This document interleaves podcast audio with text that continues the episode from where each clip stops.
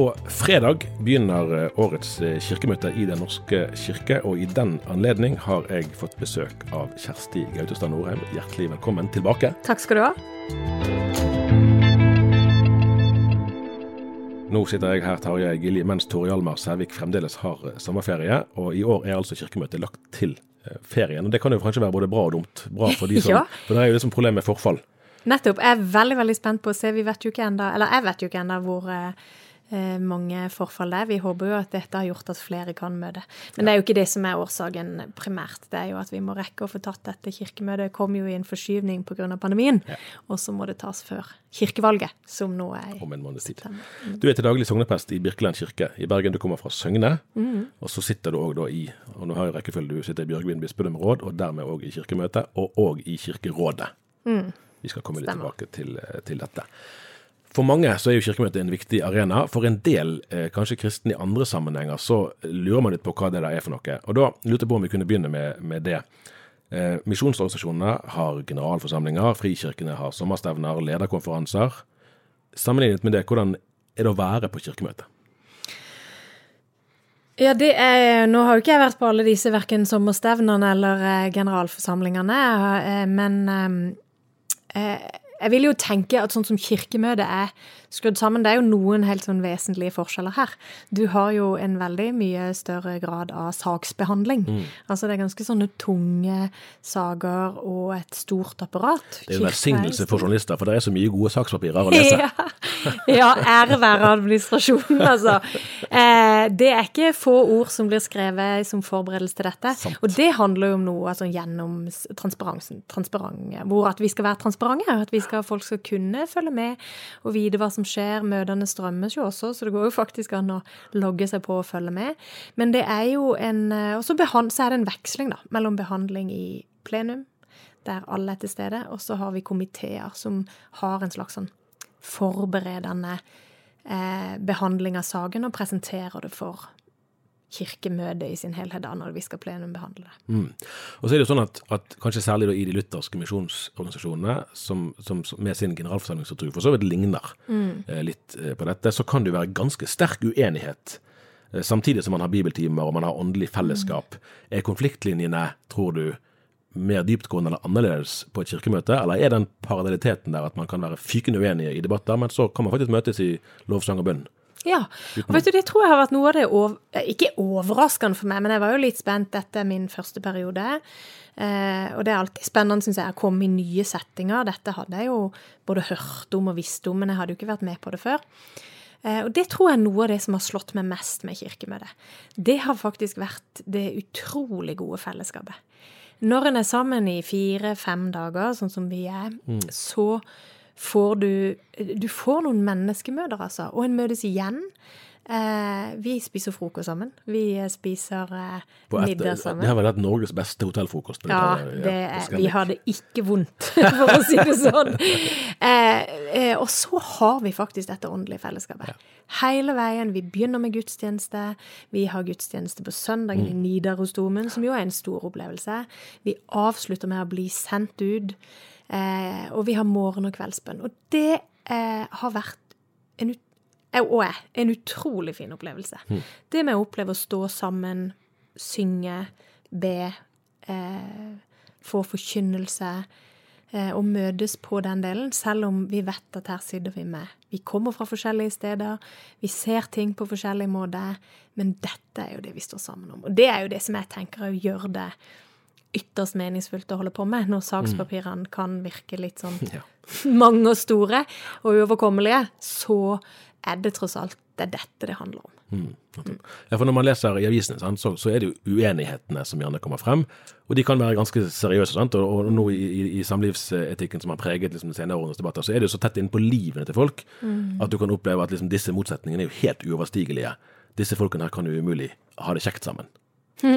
Ja, det kan en jo, eh, det kan en jo lure på når en ser avis... eh, eh, avisspaltene. Og så er det jo sånn media er skrudd sammen, at de selger vel på uenigheten. Det er jo ikke alltid disse human interest-sagene som er så hyggelige mm. og selger best. Eh, men, jeg, men, jeg, vil virkelig si at det for meg har vært en utrolig fin opplevelse med Kirkemøtet. Mm. Nettopp dette at eh, en kan være helt uenig inne, og så kan en gå ut, og så kan en eh, se hverandre inn i øynene. Eh, ta hverandre i hendene, eller gi hverandre en klem for de mm. som eh, eh, vil det. Og så møtes en på men, men, mest av alt, tror jeg, dette åndelige. Én ting er det menneskelige, det er alltid godt for oss. Og det legges det også til rette for her.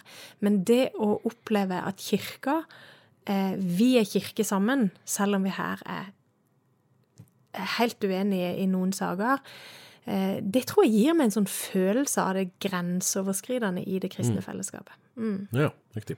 Ja, Du har jo vært eh, misjonær i Estland tidligere, og nå er du prest. Og du er jo innvalgt som representant for prestene mm. i Bjørgvin. Eh, men den kallsbevisstheten da, som førte deg både til Estland og, og inn i prestergjerningen i det hele tatt, hvilken plass uh, har den i kirkepolitikken? For det vil jo tippe at en del kan oppleve liksom at dette er to helt ulike ting. Ja, For meg henger de tett sammen. Hvis ikke så tror jeg kanskje ikke jeg hadde hatt motivasjon til å stå i det. Hvis jeg opplevde at kirkepolitikken var noe som skjedde et annet sted eh, og handla om noe annet. Men jeg tenker jo faktisk at det viktigste som skjer på Kirkemøtet, det er at vi skal ta eh, jobbe oss fram til avgjørelser som gjør at vi som kirke eh, kan være enda mer kirke, eller være det vi er mm. kalt til, nemlig Guds folk på jorda, sammen med andre kristne. Mm. Men vi forholder oss jo der da til Den norske kirke, til organisasjonene som er tilknytta, og hvordan kan vi i best mulig grad oppfylle det som er eh, misjonsbefalinger, rett og slett, om å gå ut, mm. lære, døpe, være kirke. Og det tenker jeg at det, eh, i, i, alle sakene så ligger det tettere enn en tror. Det er ikke mye en skal se, på, se nærmere på det før en ser at her eh, henger det tett sammen med hva det vil si å være kirke da. Og det, dette har jo fulgt kirka helt fra starten. Mm. Eh, de første kristne måtte jo også ha Apostelmøtet i Jerusalem, for eksempel, var jo et sånn, ja, ja. sånn møte. Så er det jo, altså Kirkemøtet består av 116 eh, delegater. De aller fleste av de er da disse bispedømmerådene mm. fra, fra, de elleve bispedømmene. Eh, men så er det òg et kirkeråd, eh, som man snakker om det som en slags regjering. Ja. Kirkemøtet er Stortinget, og der sitter jo du. Eh, og de møtene er jo ikke åpne. Eh, så der er det jo begrenset hva man kan fortelle kanskje om, om det indre livet der. Men, men, jeg tipper det er ikke så mange som har full kontroll på hvordan blir man valgt til Kirkerådet. Ja, det er jo eh, interessant. Nå vil jeg bare si en ting, og de er, det er de møtene faktisk er åpne. Vi lukker de bare i sager med Så det var unøyaktighet etter min side. Ja. Men det er klart at de, de, eh, Ja, de strømmes, og vi eh, lukker de bare når det er sager som av særlige grunner skal unntas offentligheten. Da var det bra at vi kunne bidra til allmenn opplysning. Ikke sant? I hvert fall til min opplysning om det. Ikke sant? nei, der blir en valgt sånn at um, um, det er det Kirkemøtet som velger representanter til Kirkerådet. Eh, og eh, sånn, så er det en viss sammensetning, da, mm. der du skal ha Sånn som det er nå, så har det vært én representant fra hvert bispedømme, og så sitter preses der, i kraft av å være preses. Ja. Og så er det fire geistlige representanter, som vi er, da, altså som er prester innvalgt i Kirkemøtet. Og vi velges av på en måte i vår egen gruppe, men vi velges av Kirkemøtet. Og så er det én lekkirkelig tilsatt som vi som er liksom tittelen på det, da, men det er en representant for de ansatte i kirka som ikke er prester. Mm. Nettopp. Og der, det, jo, det, ligger jo i sakens natur at dette, dette, organet møtes en del oftere mm. enn kirkemøtet gjør, og det er jo òg her gjerne ansettelsene bl.a. av biskoper eh, ligger, sånn at der er man jo tettere på. Mm. Eh, sånn at de uenighetene som man kanskje kan ane i kirkemøtet, de ser man jo nødvendigvis kanskje nærmere i dette, i dette rådet. Hvordan, hvordan opplever du det å være der? Jeg vil jo si at mange av de samme tingene eh, som er med Kirkemøtet, eh, og som har vært fint å oppleve i Kirkemøtet, også er i Kirkerådet. Altså, ja. Vi har et veldig godt fellesskap. Vi, har, eh, vi blir jo etter hvert eh, godt kjent. Vi deler tro og liv. Eh, og eh, det er en helt naturlig del å både samles til bønn og mm. ved start og slutt av møtet. Og, og der troen vår er det som binder oss sammen. og det er ønske om å være kirke sammen, og legge til rette for at kirka bedre kan være kirke. Eller rammeforholdene mm, skal være mm. det. Um, Og så er det klart at det er også et sted der du får tettere på dette med, dette med uenigheten, fordi at du blir eh, i større grad eh, synlig. Han blir veldig mye mer synlig, og det kan du også lese ut av stemmetall. Det har jo skjedd den andre tingen jeg nemlig har blitt eh litt overraska over, eller ikke overraska over, men som var eh, preger arbeidet både eh, Kirkemøtet og Kirkerådet mye, det er at eh, kirkepolitikken er blitt veldig politisk. Ja. Eh, og det er nok en utvikling som har gått over lang tid. Det er ikke noe helt nytt. Mm. Men med den nye ordninga der vi har ulike grupperinger, Mm. og at folk velges inn på et program, det har jo gjort at det, det er noen ganske det har prega arbeidet i mye større grad.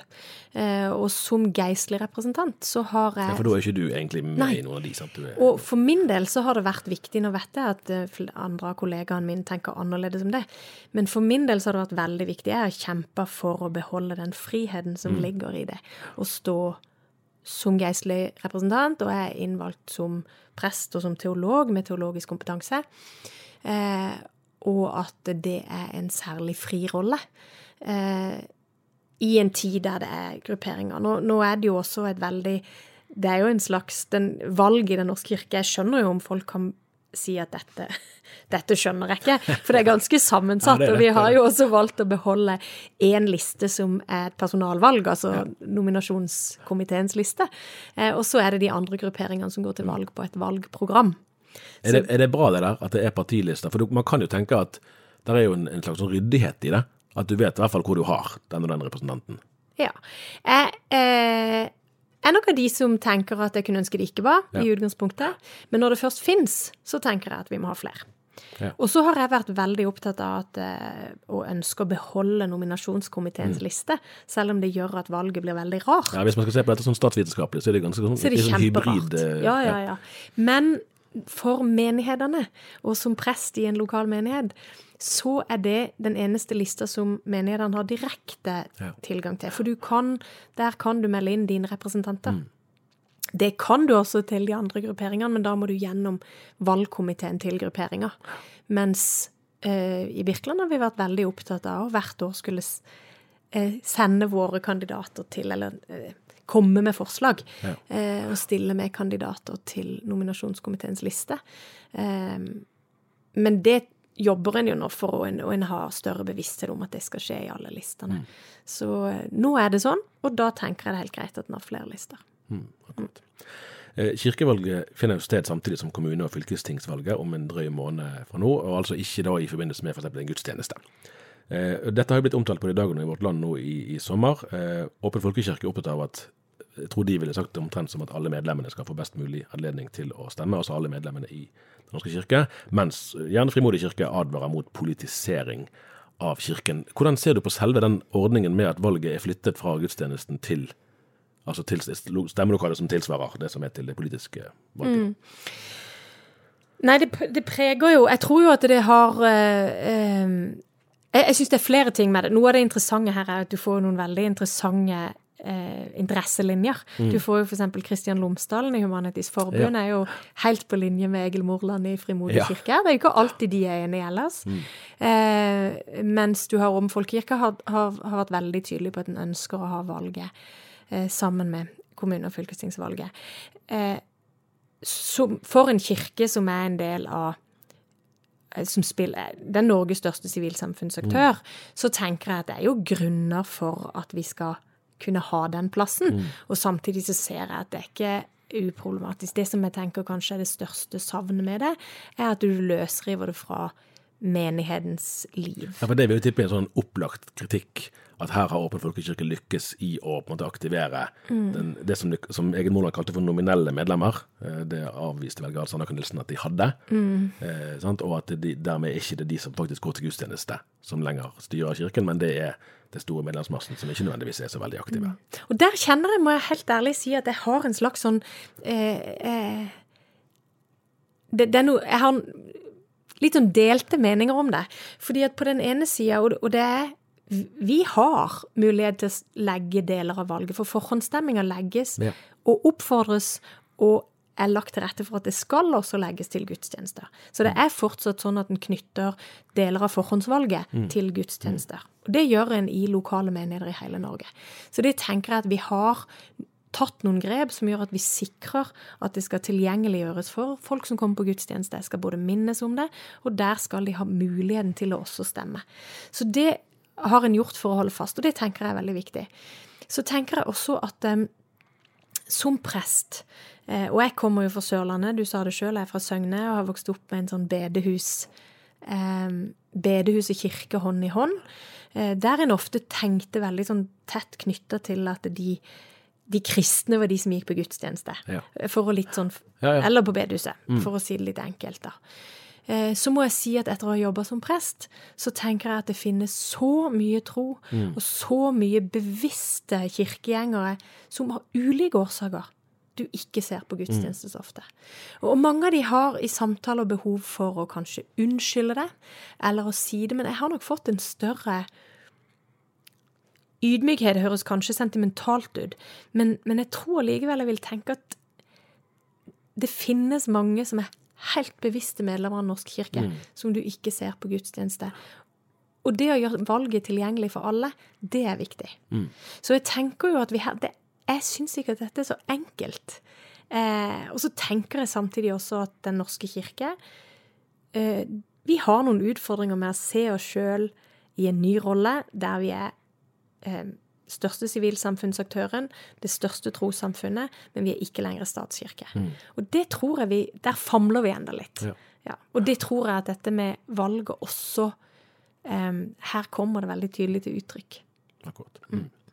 En av sakene på årets eh, kirkemøte, og kanskje en av de som ventelig vil vekke et visst engasjement, er jo det som handler om hvorvidt Den norske kirke skal kunne legge vekt på likekjønnet samliv ved ansettelser. Eh, Kirkerådet innstiller på at man ikke lenger skal eh, kunne gjøre det. Nå er det jo sånn i praksis at i hvert fall i denne perioden er det vel bare Stavanger igjen som benytter seg av muligheten. Så i dag kan jo det endre, endre seg etter kirkevalget, men, men det er vel rimelig grunn til å anta at Kirkemøtet kommer til å vedta Kirkemøtets forslag i en eller annen variant. Et spørsmål vil jo være vil ikke vedtaket om to syn på likekjønnet samliv bli ytterligere uthulet hvis eh, Kirkemøtet vedtar dette forslaget? Jeg ser eh, i debatten, og har jo erfart også etter å ha stått i den debatten, eh, ikke minst i Kirkerådet, at eh, det for noen er en tydelig opplevelse av det. Eh, og, og jeg tenker at vi som kirke, med eh, to syn i en sak som både har vært så betent, eh, og vi må holde fast så krevende både personlig og i forhold til teologisk eh, forståelse og standpunkt, så, så er dette Så oppleves dette som at det er det som skjer. Um, at det blir mindre, mindre handlingsrom for å stå for det tradisjonelle samlivssynet, som noen vil si, da, eller det der en ikke anerkjenner likekjønna vigsel. For det er jo det en må holde fast på at det her eh, står om. Samtidig så har jo jeg vært av de som har stemt for at vi ikke skulle, at vi skulle ta det bort i Bjørgvin. Ja, for det har Bjørgvin gjort. sant? Ja, vi tok det bort. Og jeg, for min del handler det om eh, flere ting. Det handler annet om at dette ikke, du sa det jo sjøl, dette handler kun om likekjønna eh, samliv, ikke om samboerskap, som jo også er en diskusjon. Mm, ja, ja. Eh, Og den har jo vært viktig i en kirke som holder ekteskapet høyt. Eh, Hva sier vi til Og dette er jo en diskusjon som også har vært meldt, som ikke står på sakskartet nå, men som vi har hatt diskusjoner om eh, det siste halve året. Um, men jeg tenker at det også er noe her vi diskuterer om hvem som skal tilsette. Det er jo en sak eh, på årets kirkemøte, og det går i retning av at vi skal ha tilsettingsorganer for, eh, for ansatte. Det, det gjøres jo på litt forskjellige måter i dag. Eh, og jeg tenker at eh, det som har vært vanskelig for meg, det er også noe med å legge makten til de på Skal de avgjøre hvilken menighet som skal ha hvilket syn? Altså, det er noe med at vi, vi står i fare for noe sånn Overformynderi er et veldig sterkt ord, men, men hvem skal få bestemme dette, er uavklart. Så for min del så var det eh, naturlig å si at den setninga velger vi å ikke eh, lenger benytte oss av muligheten til å bruke. Eh, det som jeg imidlertid har sett i denne saken, opplever jeg at det er to saker i én. Mm. Og den andre er vanskeligere å få øye på. For den ene saken, som jo er hvorvidt en skal eh, bruke retten til å bruke denne sida, eller muligheten da, til å bruke dette, og da er det jo ikke lenger diskriminering. Her Mm. må en jo være veldig forsiktig med hvordan en bruker begrepene. For i det øyeblikket det er en begrunna forskjellsbehandling, Mm. så er det en forskjellsbehandling og ikke diskriminering. Eh, men, men i den saken så ligger det jo også hvilken rolle skal ulike demokratiske organer i Den norske kirke ha i forhold til hverandre. Og Den norske kirke står jo i et spenn. Det har han alltid gjort, og det skal han fortsette å gjøre. Eh, og det er at vi står i et spenn mellom det lokale og det nasjonale, eller på kirkespråk da eh, det kongregasjonalistiske og det synodale, som en vil si. Eh, og hvis dette spennet forrykkes for mye, så kan vi få noen ganske store utfordringer på sikt. Og her har det jo vært en demokratisk prosess i Stavanger bispedømme, som jo du trekker fram som eksempel her. Dette gjelder jo også menighetsråd og fellesråd og sånn, så det er jo ikke bare den saken vi diskuterer. Eh, men, eh, men skal da et kirkemøte, som er et synodalt nasjonalt organ, eh, hvilke rom har en til å overstyre den prosessen som har vært gjort i Stavanger? Eh, og så kan en si er det lov? Det er det kanskje. Er det lurt? Det er jo det vi da må forholde oss til på kirkemøtet. Ja, ja. Hvordan, altså eksempel høringsuttalelsen til Frimodig kirke i denne saken bærer litt preg av, av det som jeg tror er en virkelighetsbeskrivelse som, som flere kan ha, at, at formelt sett så står vedtaket om to uh, syn uh, ved lag.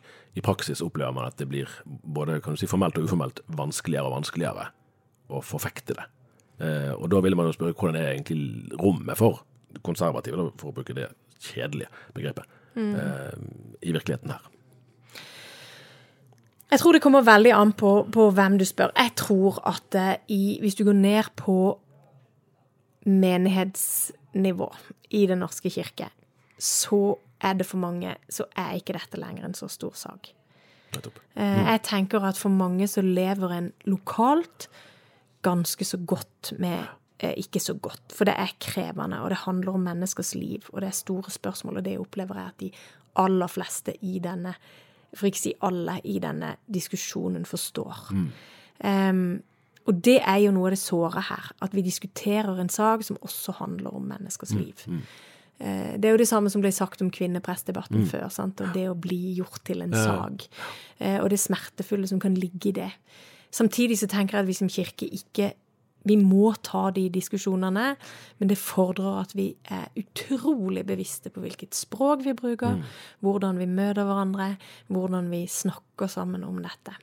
Og jeg tenker at den sterke polariseringa som vi har sett tendenser til, og som vi ser særlig i enkelte medier at en ønsker å løfte fram, eh, eller eh, ta utgangspunkt i, den gjør denne samtalen vanskeligere. Jeg har ofte savna at denne samtalen kan og jeg, og jeg setter utrolig pris på alle de stedene der denne samtalen kan foregå litt mer lavmælt.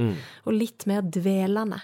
Fordi at jeg tenker at vi som kirke har godt av å tenke på at vi står i sånne spenn hele tida på at eh, vi, vi er i endring. Det har kirka til enhver tid vært. For meg var det noe befriende når jeg, jeg Midt i en av disse rundene som var, som var ganske krevende å stå i, så ble jeg bedt om å ha en bibeltime om eh, apostelens gjerninger. Eh, og, og tenkte ja, ja, det er jo en god anledning til å lese liksom, innledninga særlig, men de første kapitlene i apostelens gjerninger igjen. Og der dumpa jeg jo midt oppi omskjærelsesdebatten. Ja. Og da tenkte jeg kirka har jo jammen stått i disse debattene før. Det er ikke helt sikkert at vi kan forutse i hvilken retning alt går i framtida. Men jeg tror noe av det som er det, det Igjen dette grenseoverskridende med det å være kirke, at selv når kirka opp gjennom historien har stått i så vanskelige spørsmål, så har det livet som har vært levd i menigheten, klart å fortsette å bestå fordi en lever av Kanskje fordi vi igjen og igjen og igjen møtes rundt nattverdbordet eller til bønn eller til bibellesning. Ja, nettopp. For her er vi inne på noe som, som, jeg gjerne vil spørre deg om, og som jeg synes er ganske interessant, og som jeg prøver å forstå. Eh, og det er at når, når vi i dagen i 2019 spurte kirkeaktive kristne, altså de som går til gudstjeneste ca. en gang i måneden eh, eller oftere, om deres syn på likekjønnet vigsel, så skilte de spurte i Den norske kirke seg vesentlig fra eh, kristne i de andre trossamfunnene. Nå har jo Metodistkirken òg beveget seg en del, og den bevegelsen var i gang Eh, allerede da. Men, men f.eks. at du i, i, i, pinsebevegelsen, eller i Misjonssambandet, eller stort sett òg i Frikirken, eh, vil finne søndagsskolelærere, eh, folk i lovsangsteamet, møteverter, som åpner for likekjønnet samliv. Hvis de gjør det, så holder de det godt skjult. Ja. Sannsynligvis er det veldig få mm. som gjør det. Mens, mens ut fra tallene virker det som at både du i din menighet og mange andre prester må ha en god del altså søndagsskolelærere, kordirigenter, tekstlesere, altså folk som har, som ikke hermetegn bare er innom av og til, men som er jevnlig med, som enten har skiftet syn, eller som i hvert fall aksepterer at ok, dette, dette er ikke lenger noe jeg vil kjempe imot, dette er på en måte en endring som er kommet for å bli. Hmm. Jeg tror at uh, nå har jeg nettopp uh, kommer faktisk i dag fra en samtale med en, med en god kollega som eh, har stått i kirkelig tjeneste lenge. Um, og som holdt fram nettopp dette med at å stå i lokale arbeidet er å faktisk også si at her er ikke den politiske kamparenaen. Mm. Her handler det om at vi i en gjennomsnittlig norsk menighet vil ha hele spekteret. Eh, og det tenker jeg er utrolig viktig for oss prester, men også for andre, å holde Eh, å være bevisst på. For jeg tenker at disse debattene, de må tas. eller de er der iallfall nå, og vi må forholde oss til dem. Uh, og så tenker jeg at uh, i det lokale livet så skal vi alltid som kirke tenke på hvordan vi snakker om ting, og hvordan vi forholder oss til saker som er oppe. Men, men når alt kommer til alt, så handler det om eh, også det å møte de menneskene som kommer. Og, og det å vite at en i en menighet har hele dette spennet, um, det gjør at jeg tror, mange, jeg tror veldig mange steder så er det ikke et veldig stort tema. Mm. Iallfall av mine kollegaer så tenker jeg det er de færreste som Vi bruker jo ikke Prekestolen som noe kamparena mm. på dette. Og en bruker ikke eh, Noen har hatt en har hatt samtaler om det, en har hatt eh, når det har vært viktig eller etterspurt. Men, men det å stå sammen selv om en kan jeg tenker at her mener vi helt forskjellige ting i denne og i andre saker. Eh, jeg tenker jo av og til som prest at eh, vi har jo ikke begynt å snakke om eh, hvordan om nattverdssyn, f.eks. Mm. Og i Den norske mm. kirke, hvis vi hadde begynt med det, så hadde det nok også vært ganske store ting som skilte, altså. Mm. Du, du, kommer jo åpenbart fra en, en bakgrunn der, der eh, liksom det å åpne for likekjønnet vigsel neppe var på, på dagsordenen. Du var jo sjøl bispekandidat, mm. eh, og der var du litt sånn eh, Eller i hvert fall at du hadde fått større forståelse for mm. argumentene. Mm. Eh, er det noe eh, Ser du for deg at du, kunne du sjøl komme til å foreta en likekjønnet vielse? Er det liksom på horisonten? For min egen del så, så syns jeg har, jeg har ikke noe enkelt svar på det.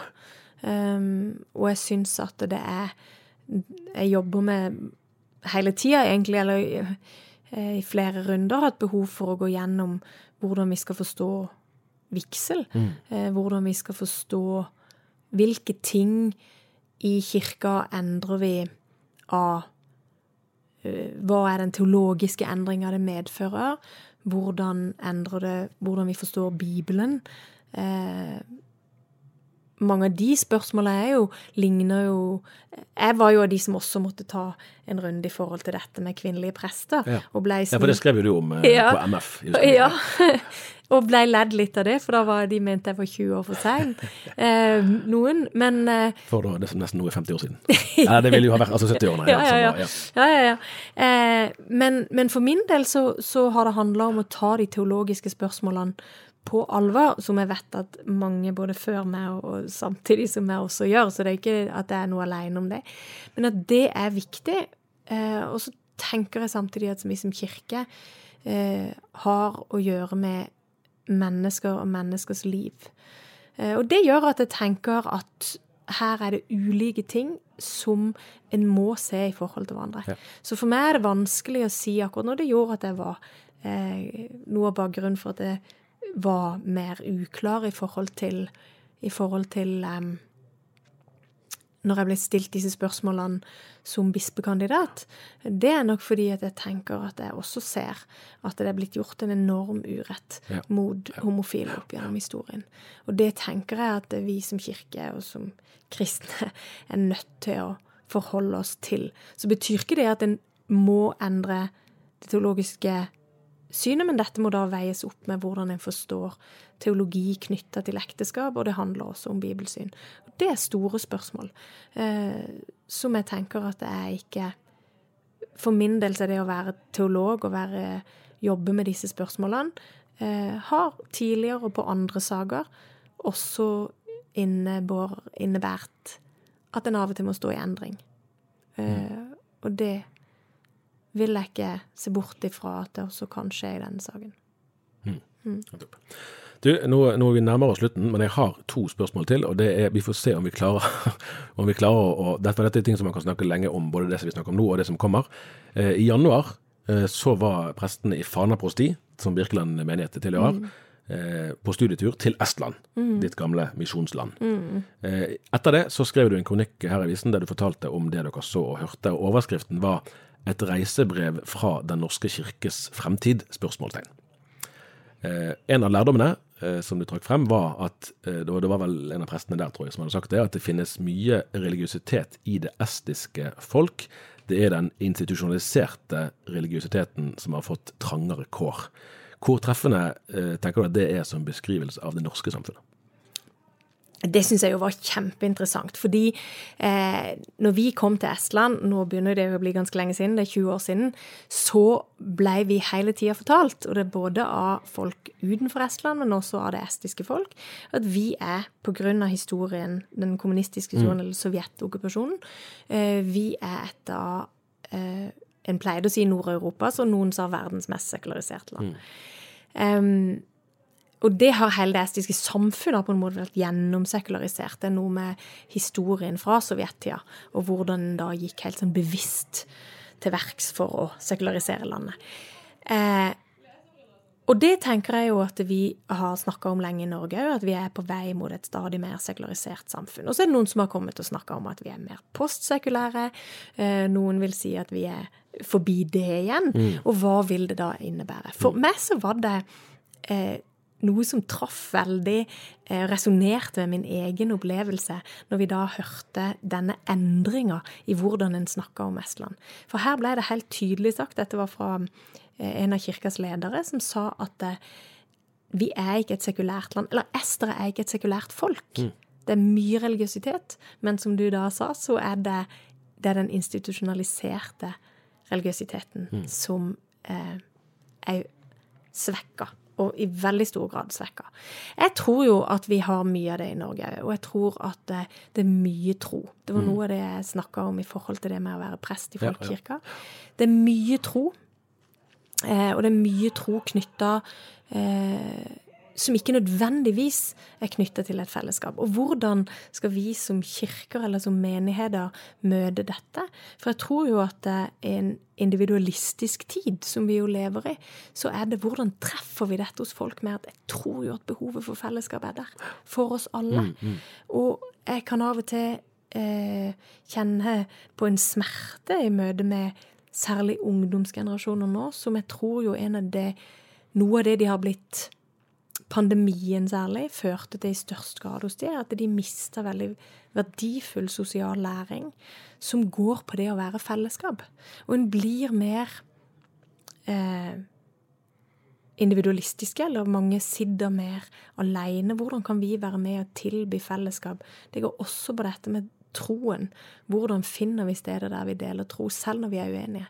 Og jeg tenker at eh, hvis vi skal ta dette på alvor, så må vi i enda større grad tenke at vi skal være kirker eller menigheter som tåler uenighet, og som finner sammen om noe.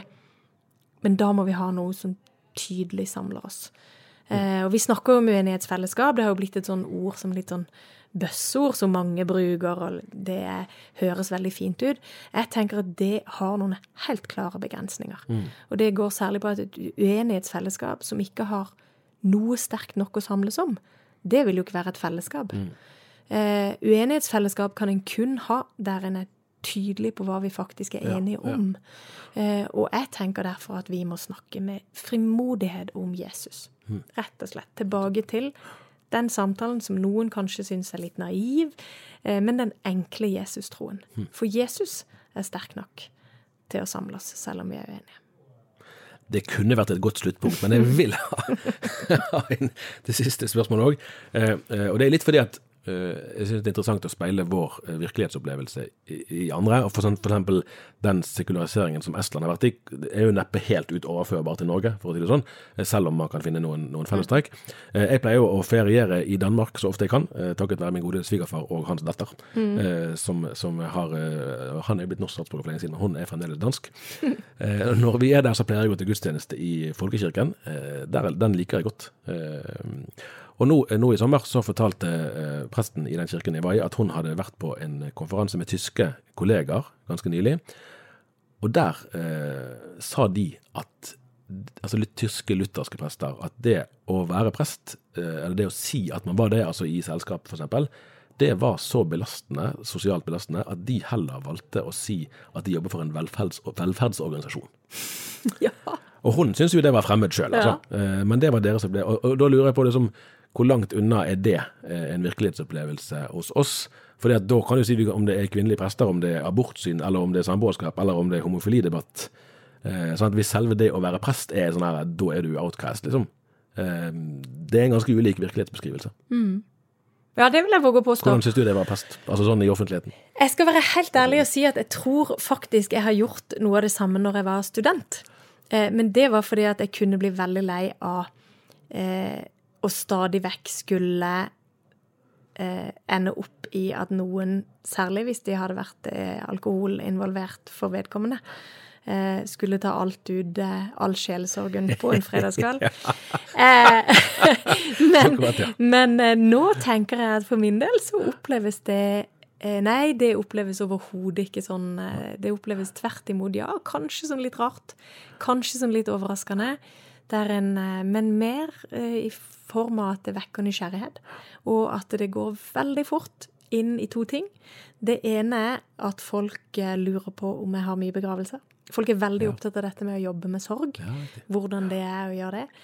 Eh, og, og så eh, overrasker det meg hvor mye tillit det kan synes som presten fortsatt har i det norske samfunnet, på særlig én ting. Altså, de kan kanskje synes at vi er treige, eller sitter og holder på med diskusjoner som alle andre er ferdig med, eller litt sånn som det. Men jeg opplever en forventning til at en prest tåler livet. Så det kommer veldig ofte samtaler der jeg tenker dette er en tillitserklæring. At du forteller meg disse tingene som helt tydelig kan ha kosta, eller koster det til og med å fortelle, eh, men du tenker at jeg tåler det. Og det tror jeg kanskje er noe av det som eh, står sterkest i folk, er det at kirka skal tåle hele livet. Og da tenker jeg igjen at hvis det kan være med å gi mennesker en opplevelse, for jeg tenker nok så stort om det å være prest, at vi sammen med mange, mange andre, heldigvis, men vi også er kirkas representant, og dermed også en, en form for Guds representant, der vi er satt til å være. Så hvis det kan gi mennesker en opplevelse av at Gud tåler hele livet, så er det verdt det. Det var en god avslutning, det òg. Ja, takk skal du ha. Kjersti Gautestein Norheim, takk for besøket og godt kirkemøte. Takk skal du ha.